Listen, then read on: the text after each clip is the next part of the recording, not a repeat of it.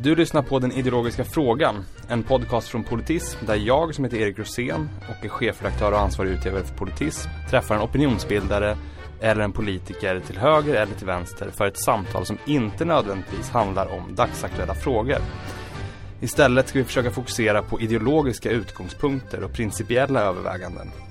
Och idag har jag med mig Mattias Svensson, skribent, debattör och författare. Och jag börjar med att ställa den fråga jag alltid ställer i det här programmet. Hur definierar du dig ideologiskt? Eh, jag är liberal eh, och eh, eftersom det finns ett parti som kallar sig liberaler så får jag väl säga att jag är klassisk liberal vilket betyder att jag är, jag är liberal på i stort sett alla sätt som finns. Jag är marknadsliberal, jag är drogliberal, jag är alkoholliberal, jag är sexliberal. I stort sett allting utom socialliberal skulle man kunna säga. Så vad är den viktigaste skillnaden mellan att vara klassiskt liberal Eh, eller att tillhöra den liberalism vi ser i det partiet som kallar sig Liberalerna?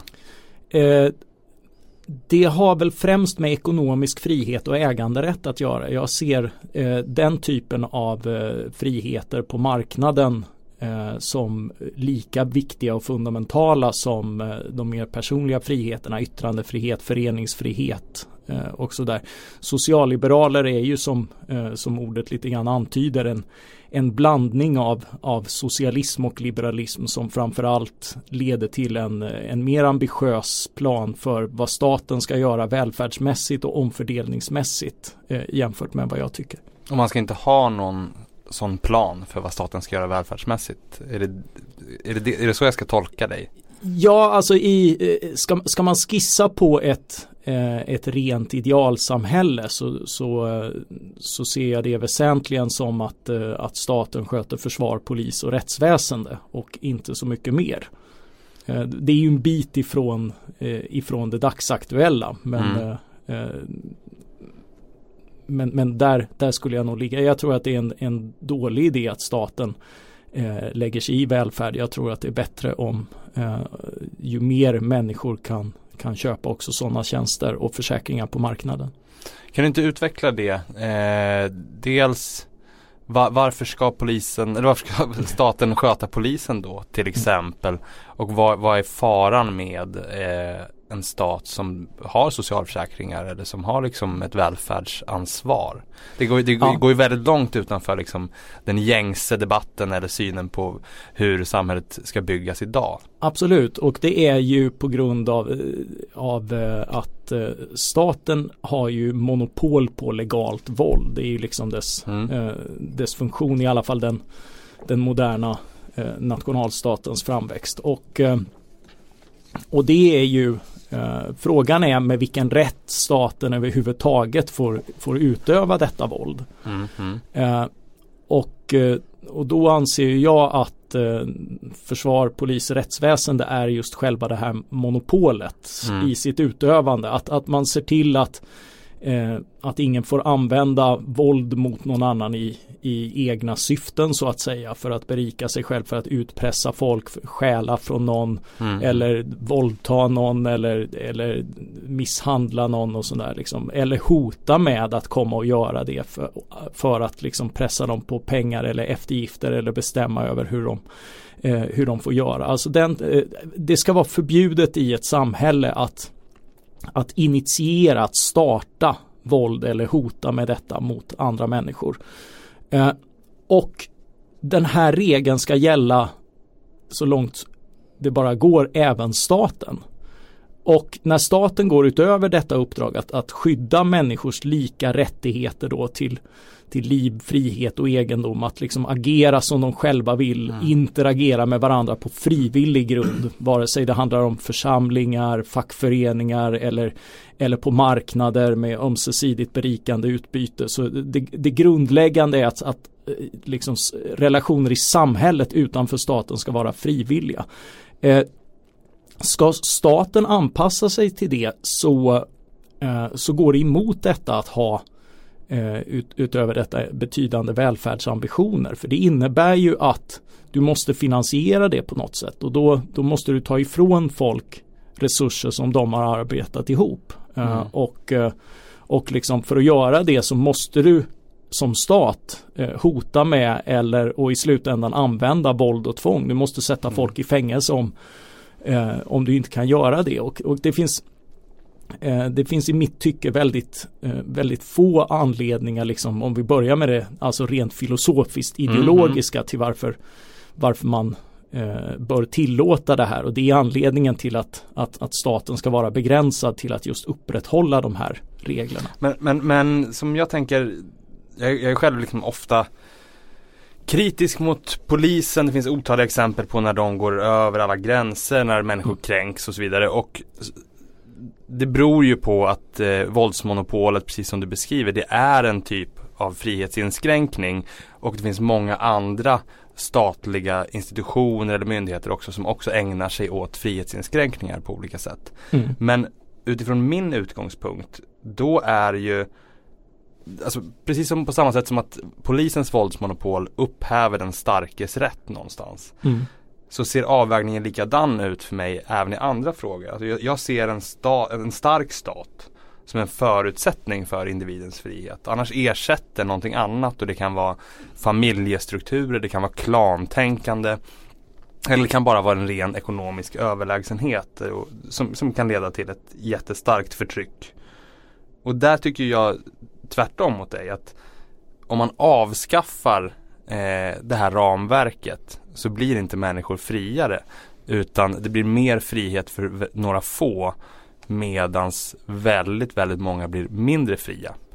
Var, mm. hur, varför begränsar eller varför har du den tilltron till våldsmonopolet när du inte har den tilltron till andra delar av samhället som välfärden till exempel? Eh, ja men det här är ju eh, alltså jag eh, du har ju där en positiv definition av, av frihet. Frihet är liksom att, att, att förvärva vissa eh, egenskaper, kanske ha en viss inkomst, du ska ha bostad på en viss nivå, och, eh, utbildning eh, och, och sådär. Och, eh, och, och det här ska då garanteras alla människor. Mm. Fri, frihet för mig är väldigt tydligt associerad till vilka möjligheter man har. Ja, ja precis. Så du, du fyller det med en massa innehåll medan, mm. medan den frihet jag tycker att staten ska värna är den negativa. Alltså att, mm. att, få, mm. att få bestämma och agera som man vill i sitt eget liv inklusive frivilligt interagera med, med andra. Eh, och, eh, och, och, det jag skulle säga som generell invändning är ju att det är ju en öppen fråga vilket samhälle som de facto erbjuder människor störst möjligheter Mm. Eh, alltså bara för att du garanterar det och slår fast i lag liksom. Är, vi har ju grundlagsfäst rätten till arbete men det betyder ju faktiskt ingenting. Nej. Liksom. Det, men det finns och, ju ändå en del empiri kring jämlika samhällen och samhällen där man garanteras en viss levnadsstandard och så vidare. Ja, eh, och, och den empirin säger bland annat att det inte finns något tydligt samband mellan stor ekonomisk frihet och stor ojämlikhet till exempel. Utan de, de mest ojämlika samhällena är ofta, ofta de där staten har en, en relativt stor roll. Eh, och, och där liksom ett, ett fåtal kan använda staten för att berika sig och har inflytande på, har ett oproportionerligt inflytande på hur staten styrs just för att men de använder den för att berika sig. Men det eh, finns samtidigt ju en, en empiri för att eh, om, om, vi, om jag uttrycker annorlunda då, ett, ett samhällen där man gemensamt finansierar liksom grundförutsättningar på en ganska hög nivå så är det samhällen där man ofta är friskare, lever längre eh, och mår bättre. Där liksom Sverige har varit ett typexempel på det eh, jämfört med många andra länder och fortfarande är. Ja, och, och, det roliga är ju att, att Sverige var det i väldigt stor utsträckning mycket tidigare än Eh, än liksom innan vi höjde skatterna till betydligt över till exempel USAs nivå. Eh, vi har ju varit ett relativt jämlikt samhälle också med, med betydligt lägre skatter, både relativt omvärlden och relativt vad, eh, vad vi har idag. Så, så frå, frågan är vad som är hönan och ägget där. Mm, mm. Men, men jag, jag är ju som sagt, det här brukar ju liksom bli en, en sån här debatt, vad är viktigast liksom? Frihet ja, eller jämlikhet? Men jag, jag, tycker precis som du argumenterar för att jämlika samhällen kan innehålla stora mått av frihet. Sverige är ju inte på något sätt ett, ett relativt andra, det finns många frihetsinskränkningar som jag vill motverka, men relativt andra länder så är inte Sverige ett exceptionellt ofritt samhälle. Det finns många sätt för individen att, att eh, blomstra på och leva sitt mm. liv. Eh, och, du tycker inte att socialförsäkringssystem per definition är repressiva? Eller? Det finns ju sådana element men, men eh, alltså jag eh, Alltså jag, jag, tror inte riktigt att politisk perfektion är det viktigaste. Alltså good enough för ett politiskt styre mm. eh, tro, tror jag duger väldigt bra därför att det viktigaste i samhället är inte polit, politisk ordning. Alltså du kan ha stora möjligheter till ett gott liv och ett dynamiskt utvecklande samhälle som som enligt de flesta parametrar mår bra också med styren som är långt ifrån politiskt perfekta. Min, min, min liberala ambition är så att säga en väldigt liten del av, eh, av, av vad jag tror att ett gott samhälle behöver. Så, så liksom min politik som förklaring på gott och ont kan man, kan man styra förbi de värsta grynnorna så har man kommit ganska långt. Mm. Eh, jag, jag uppfattar att du också alltid och det gör du ju lite i det, det du säger att du, du markerar alltid mot det auktoritära. Eh, och har gjort så väldigt mycket senaste åren då. Ta ställning för det frihetliga. Även om man kan ha de, olika definitioner av frihetlig då. Eh, och vi är ju ändå inte särskilt ofta överens. Eh, men vi ser, båda faran med någonting slags en, en, repressiv utveckling på olika sätt. Och det här har alltid varit någonting som jag har associerat med dig i den politiska debatten. Eh, i, i, dagens samhällsklimat har det här blivit liksom det absoluta centrum för det politiska samtalet. Om jag frågar dig mer generellt, vad, vad är det vi ser just nu tycker du vad är, vad är det som händer? Vad är det, vad är det i samhällsutvecklingen som föder det här? Eh, jag, har ju, jag har ju skrivit en bok från förra året som då heter Den stora statens återkomst mm. som är lite grann ett, ett försök att rekapitulera viktiga händelser på 2000-talet som jag tycker inte ryms i samhällsdebatten.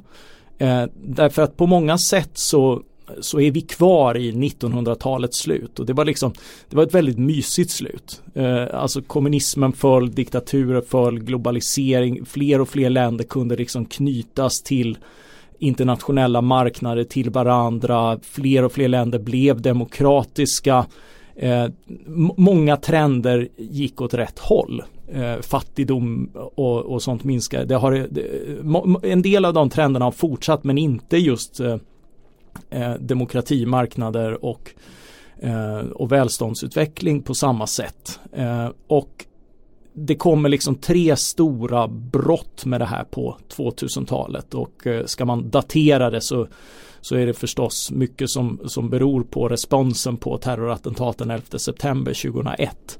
Eh, med, med ett enormt uppsving i förtroendet för statsmakten som då utnyttjas eh, Amerika är ju en idémässig ledare på många sätt. Liksom. Så, mm. så inte bara gav man sig in på eh, krigsäventyr som inte var som varken ökade friheten här eller där. Även om det förstås inte var motiven var goda och, och, och, och det fanns en ambition att befria människor i Irak och sånt där. Det, det, är, svår, det är lätt att vara efterklok liksom. Men, men det är ännu, man, man måste ändå försöka att inte vara efterdum och inte försöka mm. lära sig vad, eh, vad man kan göra av det här. Och, och vad, vad vi sett är framförallt att när ett land är krigförande, det är lite samma sak på 70-talet med Vietnamkriget. Det mm. blir liksom en repression också i hemlandet. Eh, ledaren blir commander in chief, unnar sig eh, makt och befogenheter som som liksom en demokrati i vanliga fall inte tillåter sig. Tortyren kom åter i västvärlden. Man, man flög människor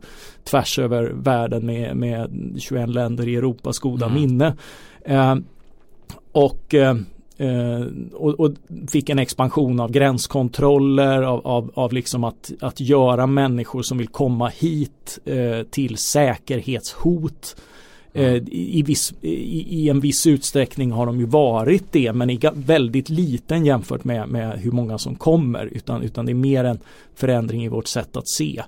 Uh, och, och, allt det här blev ju liksom en, en, ökad statsapparat. På samma sätt så fick vi liksom ett eh, Eh, ökade välfärdsambitioner. Alltså George Bush, vilket få tänker på, sjösatte eh, en, en ny Medicare-reform som, som utökade mediciner till äldre, förvisso lovvärda syften och sådär men, men expanderade statens kostnader utan att samtidigt eh, eh, eh, ta in mer skatter utan man, mm. har, man har byggt upp stora skulder och, och, och skjutit dem framför sig. Eh, och, och sen ovanpå det så har vi eh, där, därpå fick vi en, man började också med lågräntepolitik och, och underlätta husägande och sådär och fick liksom en, en, en statligt menar jag framdriven finanskris. Mm. Hanteringen av den finanskrisen har varit ännu värre. Är det den tredje delen då så att säga? Eller är det... Ja, den, den, det här är bara den andra. Ja, okay, eh, och, eh, och, och, även finanskrisen har ju lett till en, en stor, apropå fördelning i samhället. Mm. Alltså penningpolitiken har varit jättebra för de allra rikaste. För man har pumpat upp värden på tillgångar och bostäder. Aktier, kapital eh, och bostäder som ju ägs väldigt ojämlikt. Så det har varit, alltså, vi, vi har världens bästa skyddsnät för miljardärer.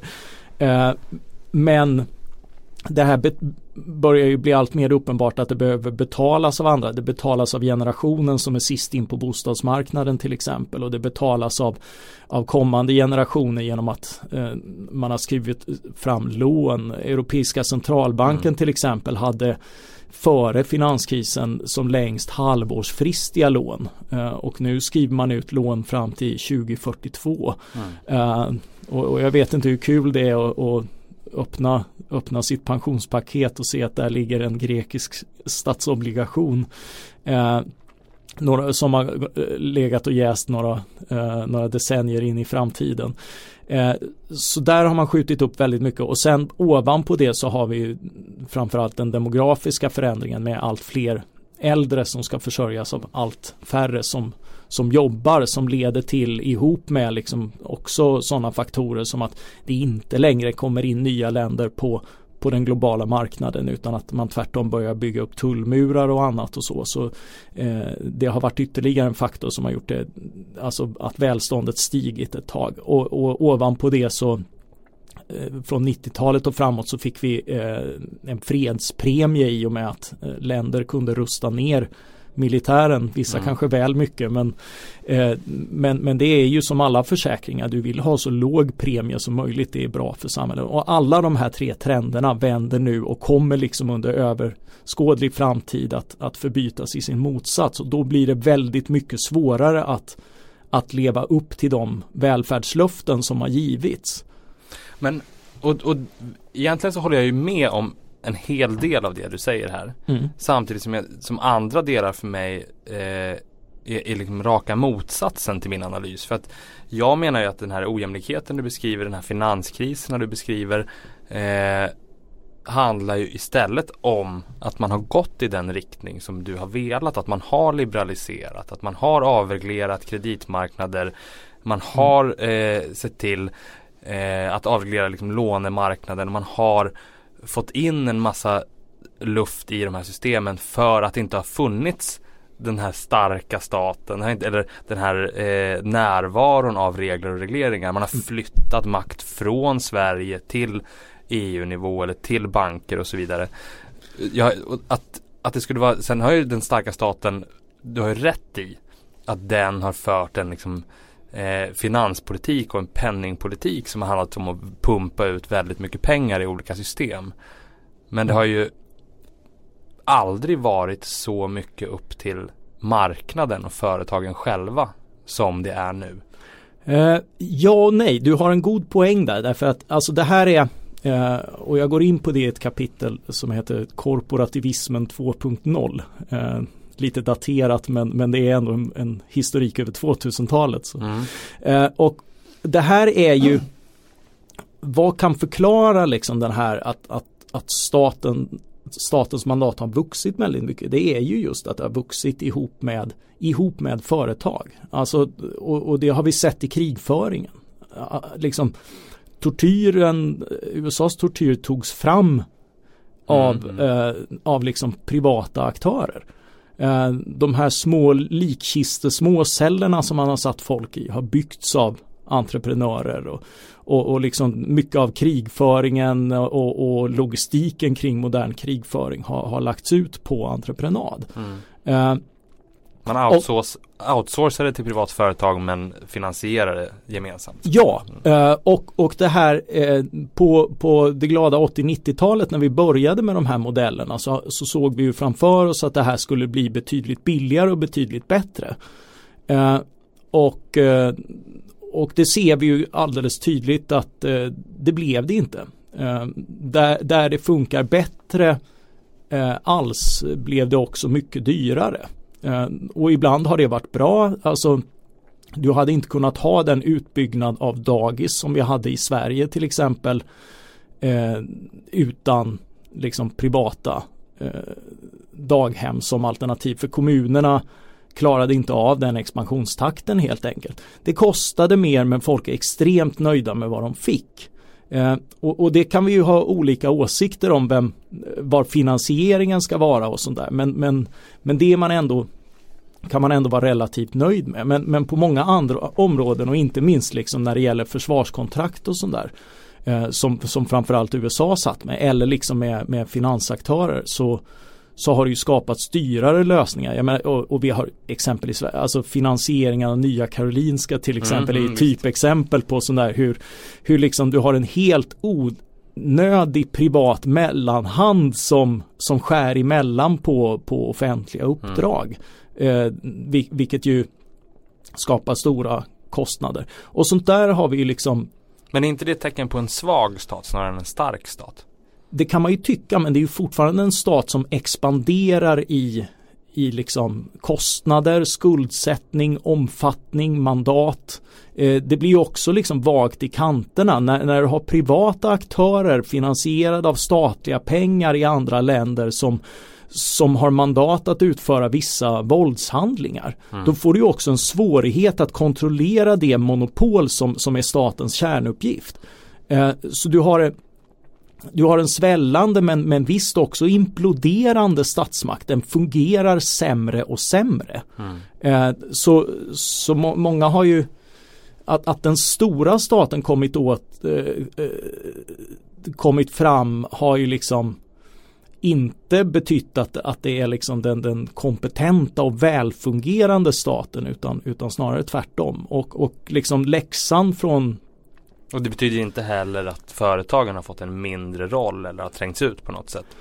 Nej, de har, alltså, de har alltså- hamnat i symbios. Ja, det, det, har, det har blivit en, en, symbios, en slags ny korporativism som, som gör att liksom eh, färre delar är, är liksom de här avreglerade alltså fria marknaderna med, med privata företag, med privat kapitalbildning, med, eh, med liksom organisk växt underifrån för att tillgodose vad kunderna vill ha.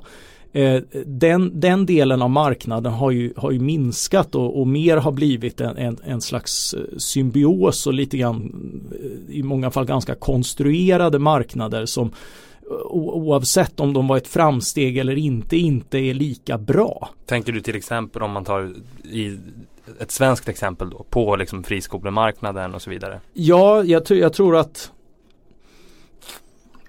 jag var en väldigt varm vän av friskolereformen och är det fortfarande. Men, men det är bara att konstatera att, eh, att, att det blev inte alls så bra som jag hade hoppats och trott. Eh, och, och, och jag tror ju att anledningen är att eh, att det fortfarande, alltså just i och med att, att du har den här blandningen så skapas en del incitament som inte är särskilt önskvärda och som inte finns på mer avreglerade marknader där, där aktörer är, är mer utelämnade till att, eh, att, att kunden får vad de betalar för och sådär. Jag, jag tror att att eh, det hade fungerat på ett annat sätt om man betalar sin utbildning själv. Eh, jag har en bror som läste kiropraktor till exempel, då pröjsar du själv. Då är du inte speciellt glad om, om undervisningen blir mindre eh, om, om det liksom mm. ställs in och sådär. Men gå till ett vanligt statsfinansierat universitet och säga att, äh, säga att liksom veckans lektion är inställd så, så jublar studenterna mm. liksom sådär. Det, det har betydelse om man men, om men, man har en direkt koppling till vad man betalar för. Så, så om jag ska förstå dig någon, alltså när jag tittar på välfärden och ser en privatiseringsvåg. Mm. Jag ser den fria etableringsrätten. Vilket företag som helst kan öppna en skola och så får de pengar sådär. Ja. Eh, jag ser Kry och liknande mobilappar som en del av privatiseringen. De har mm. en app och sen får de pengar så fort någon loggar in. Eh, jag ser vårdcentraler som poppar upp i massor och jag ser en privatiseringsvåg.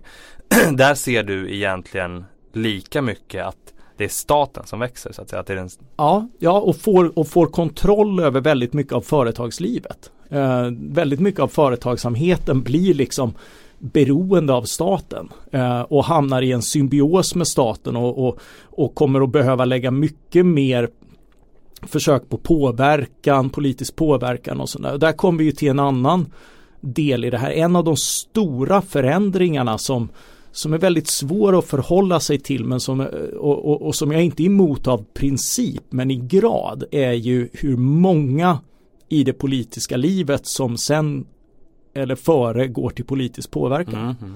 Där har vi ju liksom en verklig en verklig symbios och, och liksom det som en gång var att man var representant, folkvald blir mer och mer av ett yrke.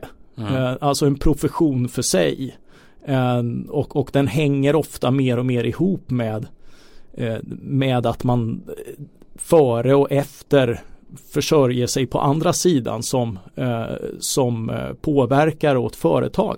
Jag, jag vill inte, alltså det är en del av yttrandefriheten att också företag ska kunna mm, ha en, en, en, röst och sådär. Jag vill inte förbjuda, men graden och proportionerna detta tagit är, är ett monumentalt problem för för hur politik utvecklas. Och, och, och det här är ju liksom en typ av en, en av många typer av eliter som har vuxit fram mot vilket det finns ett populistiskt missnöje som, som faktiskt är legitimt. Men hur kommer man åt eliters inflytande utan just ett ökade regleringar och att staten griper in om jag ska liksom Ja, ja, men jag tror ju tvärtom på separera Eh, stat och marknader mycket tydligare. Och, och, det här tycker jag är intressant för, för liksom om, om du tittar på vilka marknader, det finns ju en massa olika typer av, på vilka marknader har du liksom de största problemen med, med korruption, med, med eh, misskötsel, med, med liksom att, att det producerar inte riktigt det vi vill ha ganska långt ifrån. Eh, fuffens och mygel och, eh, och, och liksom på vilka sned, marknader har vi inte det tänkte jag säga. Ja, men... ja jo men alltså, alltså det är ju ofta om du tänker på det, ju närmare, ju mer reglerade de är, ju närmare deras, deras koppling till staten är. Alltså det är ingen slump att vapenindustrin hör till den mest korrupta och eh, liksom dyraste och, och, och liksom eh, på många sätt liksom le levererar eh, dåliga produkter.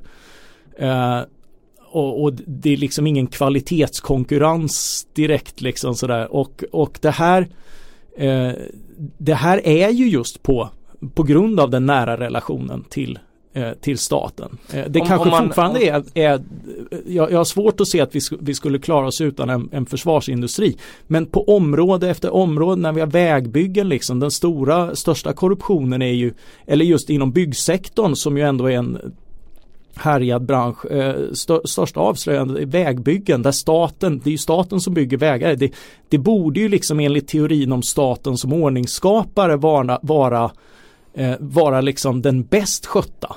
Mm. Om, om, om, om din tes generellt sett stämde eh, så, så vore det den bäst skötta därför att där, där var staten liksom verkligen närvarande. Men ofta är det precis tvärtom och det tycker jag talar för Alltså det är inget, det är breda penseldrag men det talar ändå för att, att det finns något viktigt i att försöka hålla stat och ekonomi isär så gott det går. Men om man, om man då vänder på det, är det vilket, vilken marknad skulle vara ett bra exempel på där det funkar, där staten inte liksom blandar sig i eller sådär.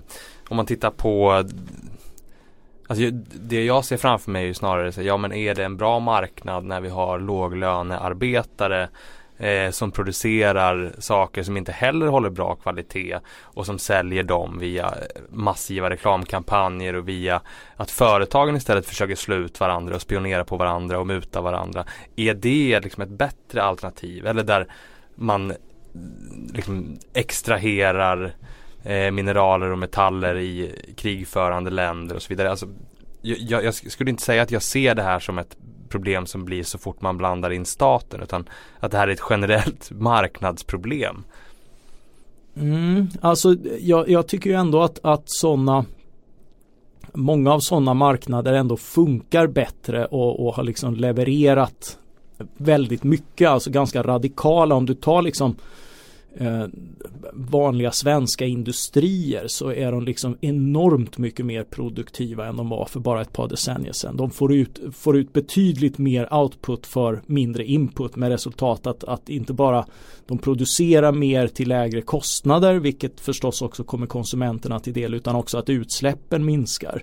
Vi har liksom Rönnskärsverken i Skelleftehamn som är liksom vår, vår största utsläppare och deras utsläpp var av svavel var 180 000 per år på 1930-talet mm. och det är nere i 3-4 tusen ton nu. Bland annat på grund av politik och, och i miljöfrågor är det för mer ingrepp än annat. Det, det mm. kanske du vill gå vidare Jag vill på sen. komma in på det sen. Ja, men, men också på grund av liksom rena marknadsincitament. Att man kom på att man kan utvinna svavelsyra och annat ur röken och sälja det till, eh, till massaindustrin.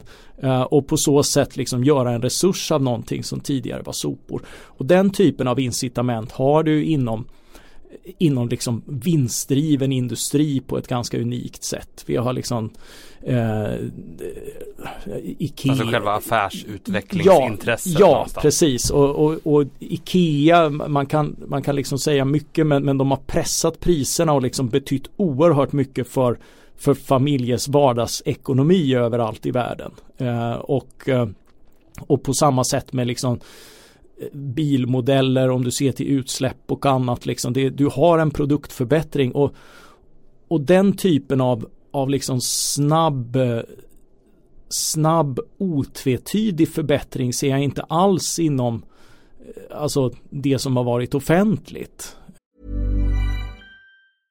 Ryan Reynolds here from Mint Mobile. With the price of just about everything going up during inflation, we thought we'd bring our prices down. So to help us, we brought in a reverse auctioneer, which is apparently a thing.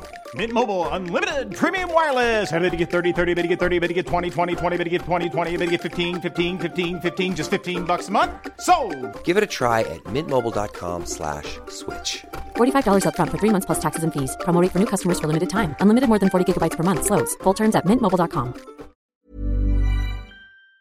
Uh,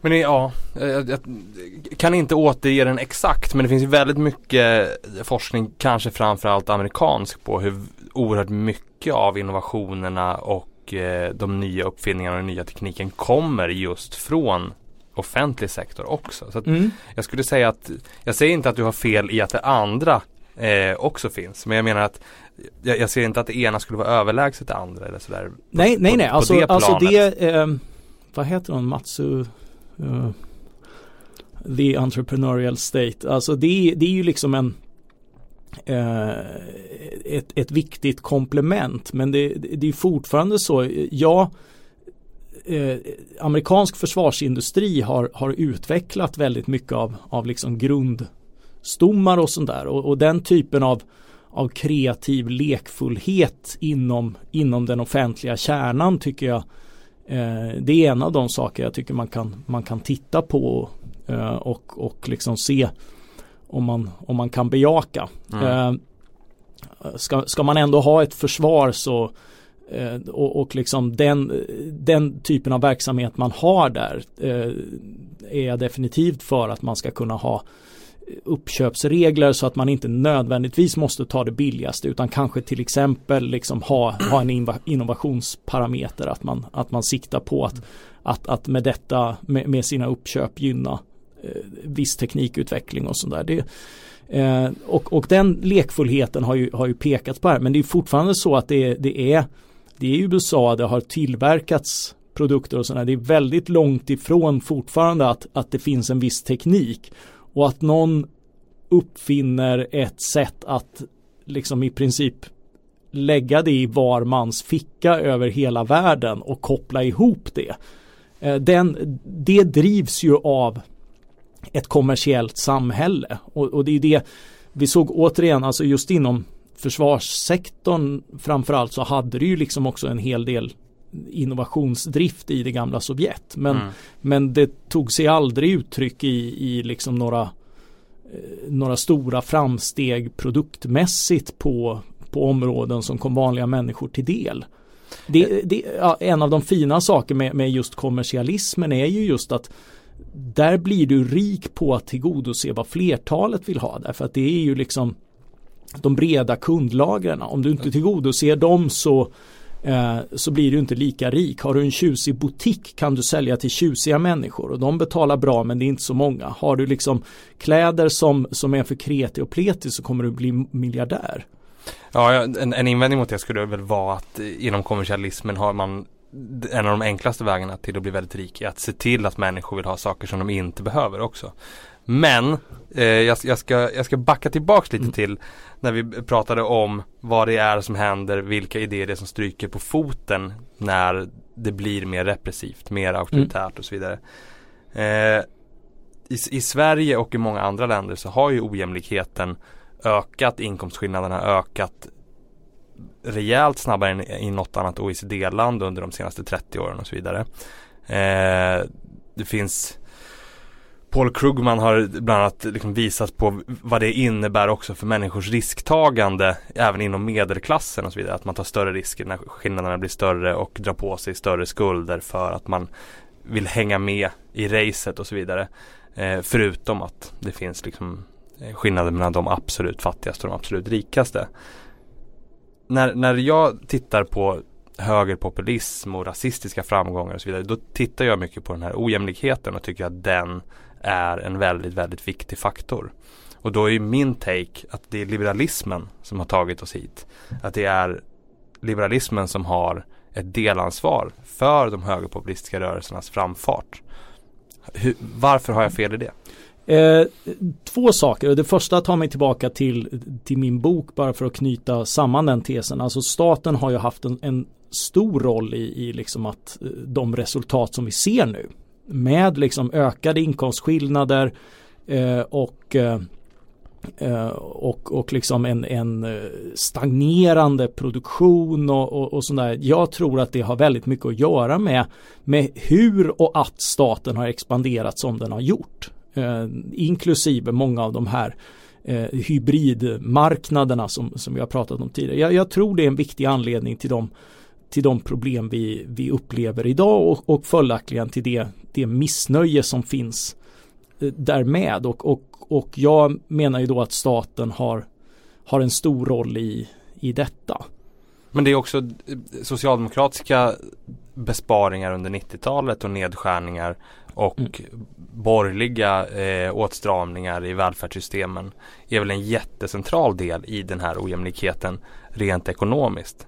Det måste jag ändå se som att, man, att det är liberal politik Ja, och, och alltså jag tror ju att det där är, eh, är väldigt överdrivet. Eh, alltså om, om du tittar på välfärdsutgifter i Sverige så har de ju liksom expanderat. Eh, jo, jo, men, och, och men man har tagit sig an, för, för socialförsäkringarna har, tagit... har ju gått ner kraftigt under de, de borgerliga åren och man pressade ju ner dem även under när Socialdemokraterna styrde på 90-talet. Ja, ja, där har du haft liksom lite, eh, du har, du har sänkta nivåer och, och eh, minskad leverans men de har väl både ökat och minskat, det är ju rätt konjunkturberoende.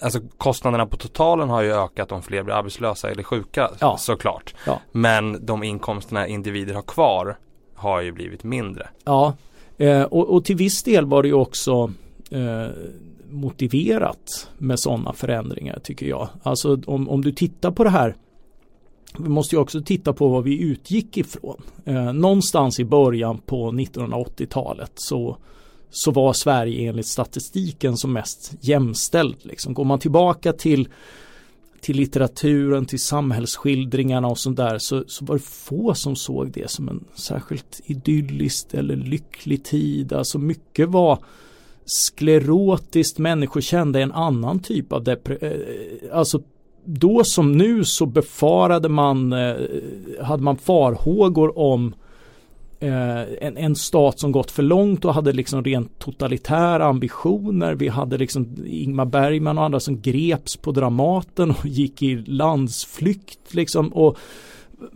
eh, vi, vi kan prata mycket om alltså fördelning på ett abstrakt plan. Men att, att känna liksom den här som, som också vanliga inkomsttagare kände då att en, av en löneökning så försvinner 80-90 eller i Astrid Lindgrens fall 102 procent av, av detta till, till det offentliga om du inte liksom trixar och myglar och hittar avdrag och sånt där.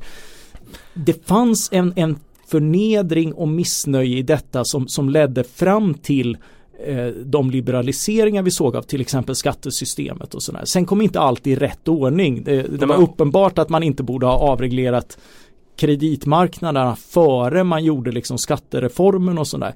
Men, men jag tycker inte att någon delen var, var fel eller omotiverad. Nej, men och, och jag köper, alltså jag håller inte med men jag mm. köper att man från höger vill öka de här skillnaderna mellan att gå på a-kassa och att arbeta och så vidare och att man tycker att det är en bra metod. Eh, jag tycker inte det, men jag mm. köper att man tycker det från höger. Eh, men det jag frågar mig är, kan du se en koppling till att de bra socialförsäkringarna, när de fungerar, när de är tillräckligt höga, när de mm. följer liksom inkomstbortfallsprincip och när välfärdsåtagandet är stort och man känner att det funkar. Är inte det en försäkring mot också högerpopulism och rasistiska rörelsers Jo, jo men det, det, det tror jag alltså att att det finns en fungerande välfärd liksom oavsett hur den tillhandahålls tror jag, eh, alltså, tror jag förstås liksom är, är bra för människors trygghet och, och, det är ju en sån här märklig, eh, alltså de och, jag tror du har sett det också, liksom. det, det, är svårt att beskriva det på något annat sätt än just en förbittringsprocess. När, när, när, när liksom människor kommer att att verkligen snöa in på det här med, med invandring som liksom orsaken till alltings problem och, och, och den typen av, av värderingssätt som, som detta ofta medför. Mm. Eh, det, det är förstås inget argument i, i diskussionen och det, det, går, det är fullt legitimt att, att diskutera och vara kritisk till invandringspolitik. Vi behöver verkligen tänka om den på, på många sätt. Men men just den här förbittringsradikaliseringsprocessen som har fått människor att, att, att flockas kring liksom auktoritärt populistiska partier som, som Sverigedemokraterna till exempel. Det, det har ju varit en sån här Ja men just en, en, en missnöjesprocess eh, process som jag tycker man, man har kunnat se väldigt, eh, väldigt tydligt på det personliga planet.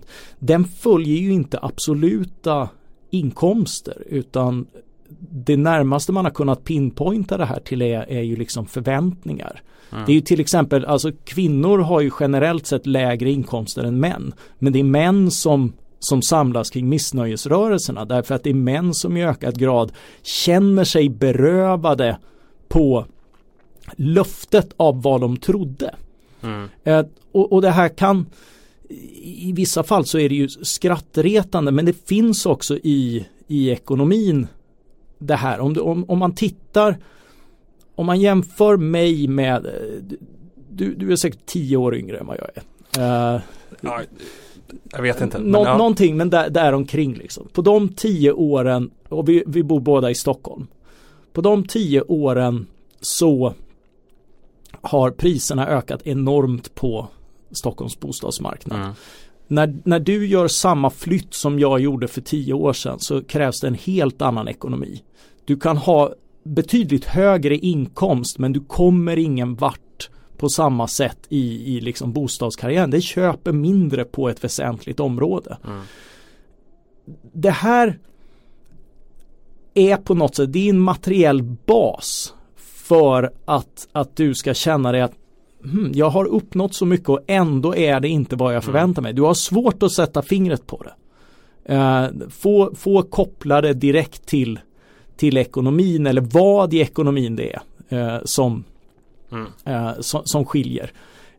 Men, men, det här är en sån faktor som, som är på riktigt, som säkert spelar roll och, och som, som kan leda till liksom en, en, en sån här känsla av att liksom, jag kan inte keep up. Liksom sådär. Väldigt många människor som inte alls är fattiga på något absolut plan mm. eh, känner en desperation över hur de ska hantera sin livssituation och det är liksom det här det är den stagnerande ekonomin så, och, och de, de liksom sviktande framtidsförväntningarnas mm. problematik och den har vi ju väldigt mycket eh, och, och eh, det är den jag försöker komma åt. Alltså jag vill ju komma åt den genom att in, ingjuta liksom dynamik, liberalisering och, och, och hoppfullhet om en bättre framtid. Eh, och, eh, och, och, en del i det är förstås liksom att se till att det staten tar på sig funkar.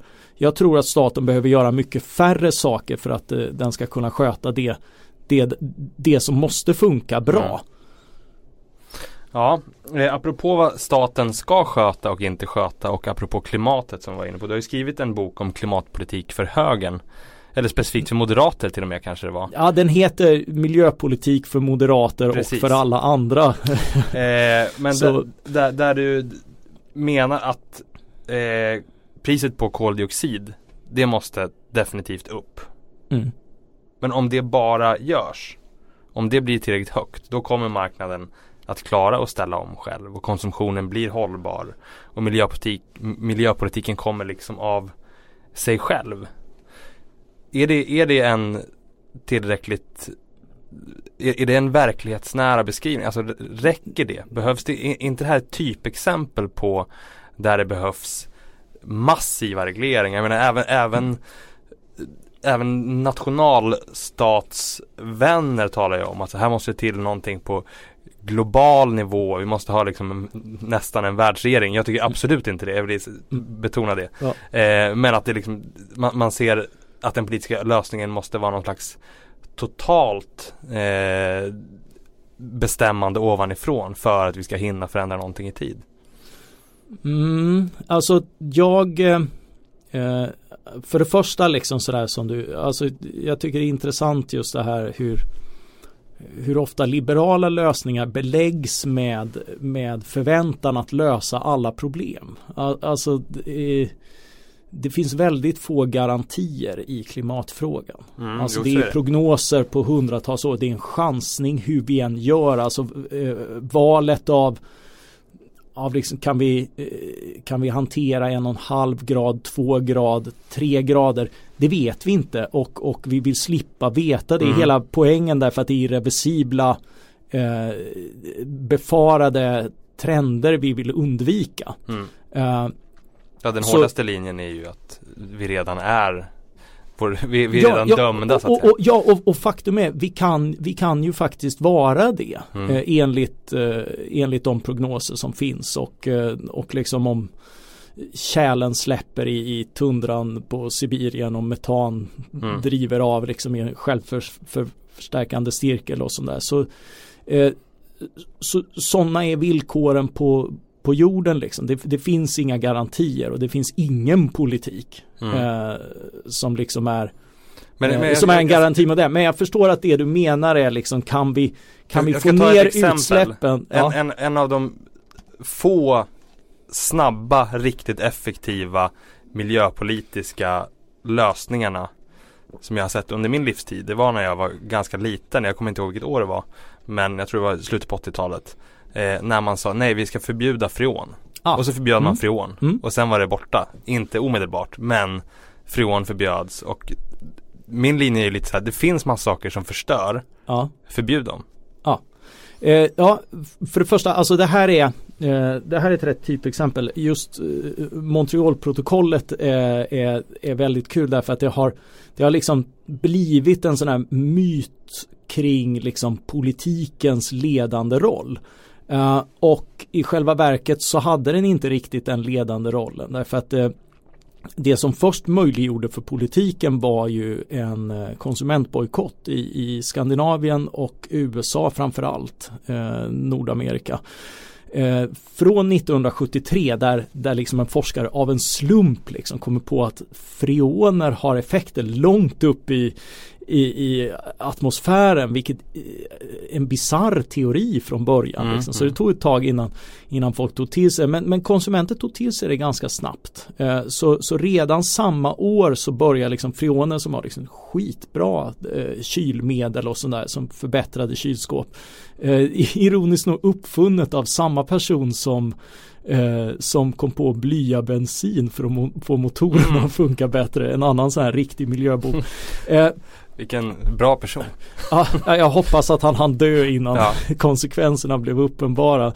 Eh, och men det är också liksom en sån här, hur, hur korrigerar du det i efterhand? Det finns liksom inte rättsfunktioner för Nej. det och ska du, ska du liksom stämma honom så har han inte pengar att betala för allting som hände och sådär. Kanske inte vore rättvist heller.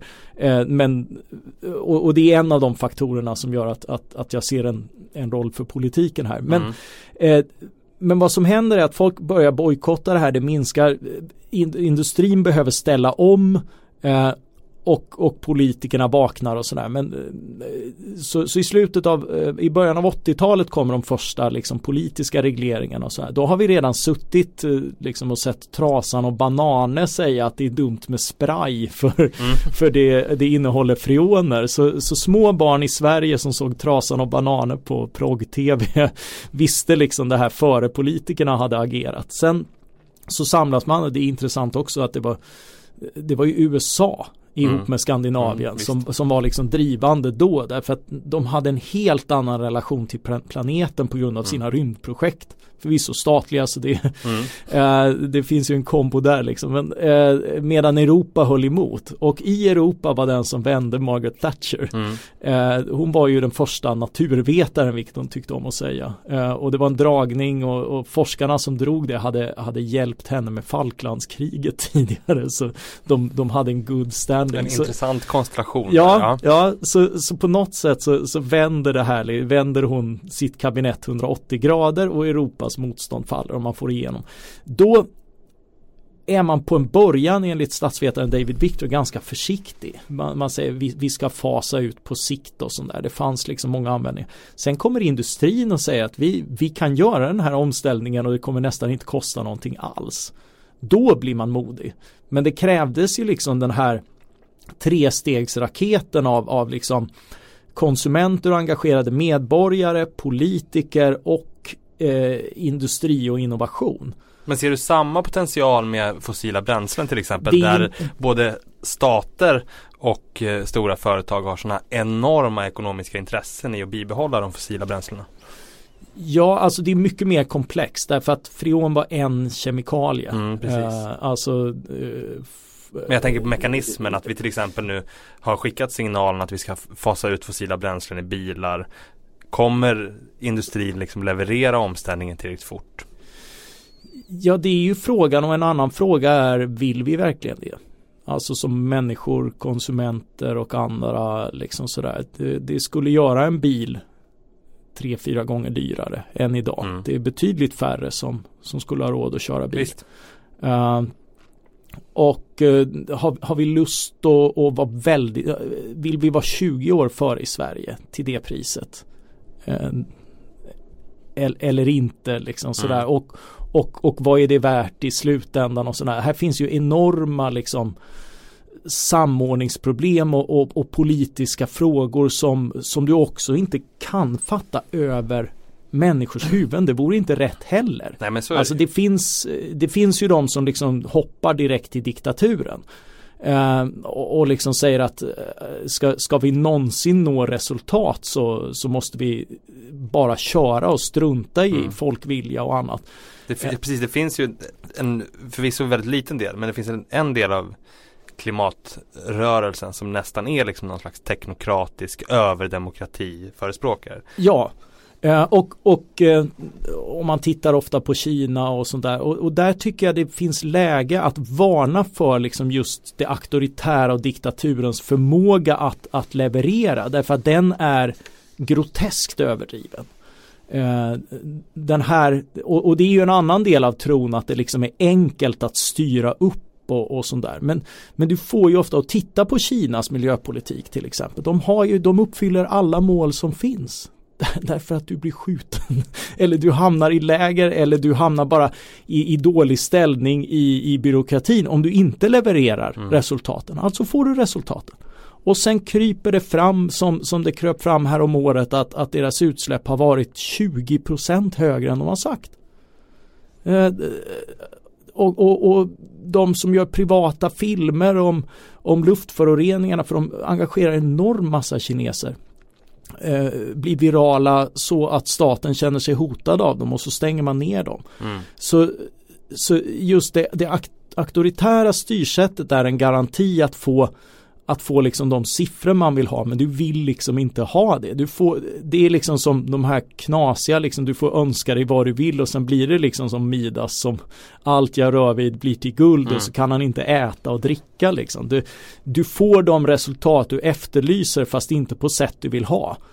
Och, och, det är alltid liksom, vi har testat planekonomi, vi har testat auktoritära styren och vi vet att de, de lyckades inte ens uppnå de mål de satte annat än i väldigt trånga eh, sektorer och skeden sådär liksom. Du, du, du, du kunde liksom få ett rymdprogram men, men det kan du få i fria samhällen också och då får du en massa, då får du mobiltelefoner dessutom liksom. Så, så någonting, någonting däråt behövs det ju på miljöområdet. Men tycker du att alltså, nu diskuteras liksom klimat och miljöfrågorna för lite av alla tycker jag. Mm. Men jag tycker att det finns en massa vänstersvar på de här frågorna. Mm. Eh, och, och, även om du liksom inte håller med om dem, men saknas det inte väldigt mycket fortfarande ett högersvar i politiken på det här? Jo, men I svensk fram, politik ja, jo, jo, men alltså det, det ligger lite grann i sakens natur därför att det, det är inte nödvändigtvis ett ett politiskt svar som den som tror på liksom ett, ett, ett stort och dynamiskt samhälle har. Eh, det, det är till exempel så, alltså ska vi producera mat på ett mer resurssnålt sätt så är jag mer för eh, genmod, att vi tillåter genmodifierade grödor än, än liksom att, att ge en massa subventioner till ekologiskt. Eh, och båda två, jag tror, jag tror att det har betydligt större potential men det räknas inte som miljöpolitik därför att det är bara att tillåta innovationer. På samma sätt så tror jag att du får ett effektivare resursutnyttjande med, med liksom marknadsmekanismer men det kommer inte heller räknas när, när ett företag liksom minskar sina utsläpp för att de, de har liksom effektiviserat pro, eh, processen Eh, då är ju det liksom någonting de gör för att göra vinst. Räknas inte heller som politik. Men jag, jag tror att de mekanismerna behöver mo mobiliseras tydligare och sen, och sen att man, de kompletteras med pris på, eh, på utsläpp som, som liksom en men inte den enda nödvändigtvis mekanismen. Det kommer behövas naturreservat och, eh, och, och liksom du, du har det dröjer ganska länge. Jag vill gärna se liksom någon privatisering av vägar liksom sådär. Men, men vi är ganska långt från det liksom och, mm. och, och det offentliga kan, kan göra mycket eh, där liksom. Du behöver en inriktning eh, där, och där har du ju liksom teknikval och andra som hamnar i statens knä vare sig man vill det eller inte och sådär. Eh, och, och där eh, där, där, kommer du liksom till de här avvägningarna. Ehm, och det är inte fel att vilja göra mest men det är inte nödvändigtvis det som kommer att vara bäst. Vänstern kan lova precis allting för att de kommer att låta staten sköta det mesta. Ehm, vill du låta människor i ett samhälle vara friare så är det inte nödvändigtvis så att det samhället kommer att leverera mindre hellre på heller på miljönytta. Jag, jag, jag, tänker att vänstersvaret är in, inte snarare att staten ska göra allting men att man ska sätta tydliga ramar för företagen hur de agerar. Eh, mm. Och mitt, mitt favoritexempel på eh, när regler, regleringens ramar ger ett spännande resultat är ju liksom eh, Europas ölutbud. Som ju egentligen bygger helt på att man har satt olika regler, olika lagar, olika gränser i olika länder. Och det har gjort att det har fötts väldigt många spännande ölkulturer. eh, inte minst liksom den brittiska som bygger både på vilken typ av öl som får vara stark och vilken som får smaka på ett visst sätt och sådär. Jag, jag tycker det är ett, ett jättefint exempel på när regleringar skapar någon, en, en mångfald och någonting spännande. Eh, och jag tänker att det går inte att exakt överföra detta till klimatpolitiken. Men regleringar leder framåt, inte bakåt. Mm. Men om du tittar på samma ölmarknad så har du ju liksom haft en liberalisering eh, som, som liksom fött hela den här trenden med, med liksom nya alltså mikrobryggerier och hela det här alltså ölutbudet som, som ju bara för eh, för några decennier sedan var ganska standardiserat har ju exploderat i, i liksom former och, och, och smaker och, eh, och bredd. Eh, och, och det är ju också till väldigt stor utsträckning marknadsdrivet. Eh, och ett resultat av att man släppt de här gamla restriktionerna som jag bland annat ska skriva en bok om mm. Eh, alkoholrestriktioner. Men, men, men visst liksom produktstandarder och, och just eh, det tycker jag är ett argument för decentralisering, en annan sån här underskattad. Alltså politik är ideologiska riktlinjer kan låta som att man vet precis hur hur politiken ska skötas och ännu mer liksom som, som om det finns någon form av idealsamhälle att uppnå. Men tvärtom alltså det ett av de stora ideal jag vill slå ett slag för är ju experimenterandet och att, att liksom inte allt blir lika, att det mm. finns olika standarder och att, att vi liksom tar det lugnt med att, att harmonisera på, på hög politisk nivå därför att det, det bryggs bokstavligen väldigt intressanta mm. saker i, i, i olikheterna och, och för att ta tillbaka, alltså det tror jag också vad som är livskraftigt i miljöfrågorna är ju Eh, är ju också liksom alltså det som det som vore en game changer är ju någonting som är tillräckligt billigt för att spridas av sig självt. Den dag du kan köra mopeder på el istället för diesel så kommer du liksom ha eh, svept, du, du kommer sälja miljarder sådana över hela världen när de är billigare. Ett, ett sådant här roligt exempel är eh, i Afghanistan. Eh, så under eh, efter den amerikanska invasionen så slog man ju ut väldigt mycket av, av vad folk jobbade med. Så mm. väldigt många började förstås eh, odla valmo istället för det var en av få lönsamma grödor mm. och vi fick liksom en heroinkris på kuppen. Eh, men för att, eh, för att sköta de här vallmoodlingarna så eh, pumparna till dem eh, de drivs med solenergi. Därför att det är det mest effektiva. Mm. Eh, och, och, och, det är sån här när, när förnybar energi tar sig av sig själv till alla delar av världen genom att vara det billigaste alternativet då pratar vi liksom riktig förändring. Eh, innan dess så är det lätt att det blir sådär och, och där är där är marknader fundamentala fast det liksom inte eh, går att säga riktigt hur vilken roll och hur det kommer att ta eller tävla liksom med en politisk ambition. Ja, eh, jag tror att jag ska nöja mig där eh, och tacka så hemskt mycket för att du har kommit hit. Det har varit väldigt intressant. Mm, tack så mycket, det var bra frågor.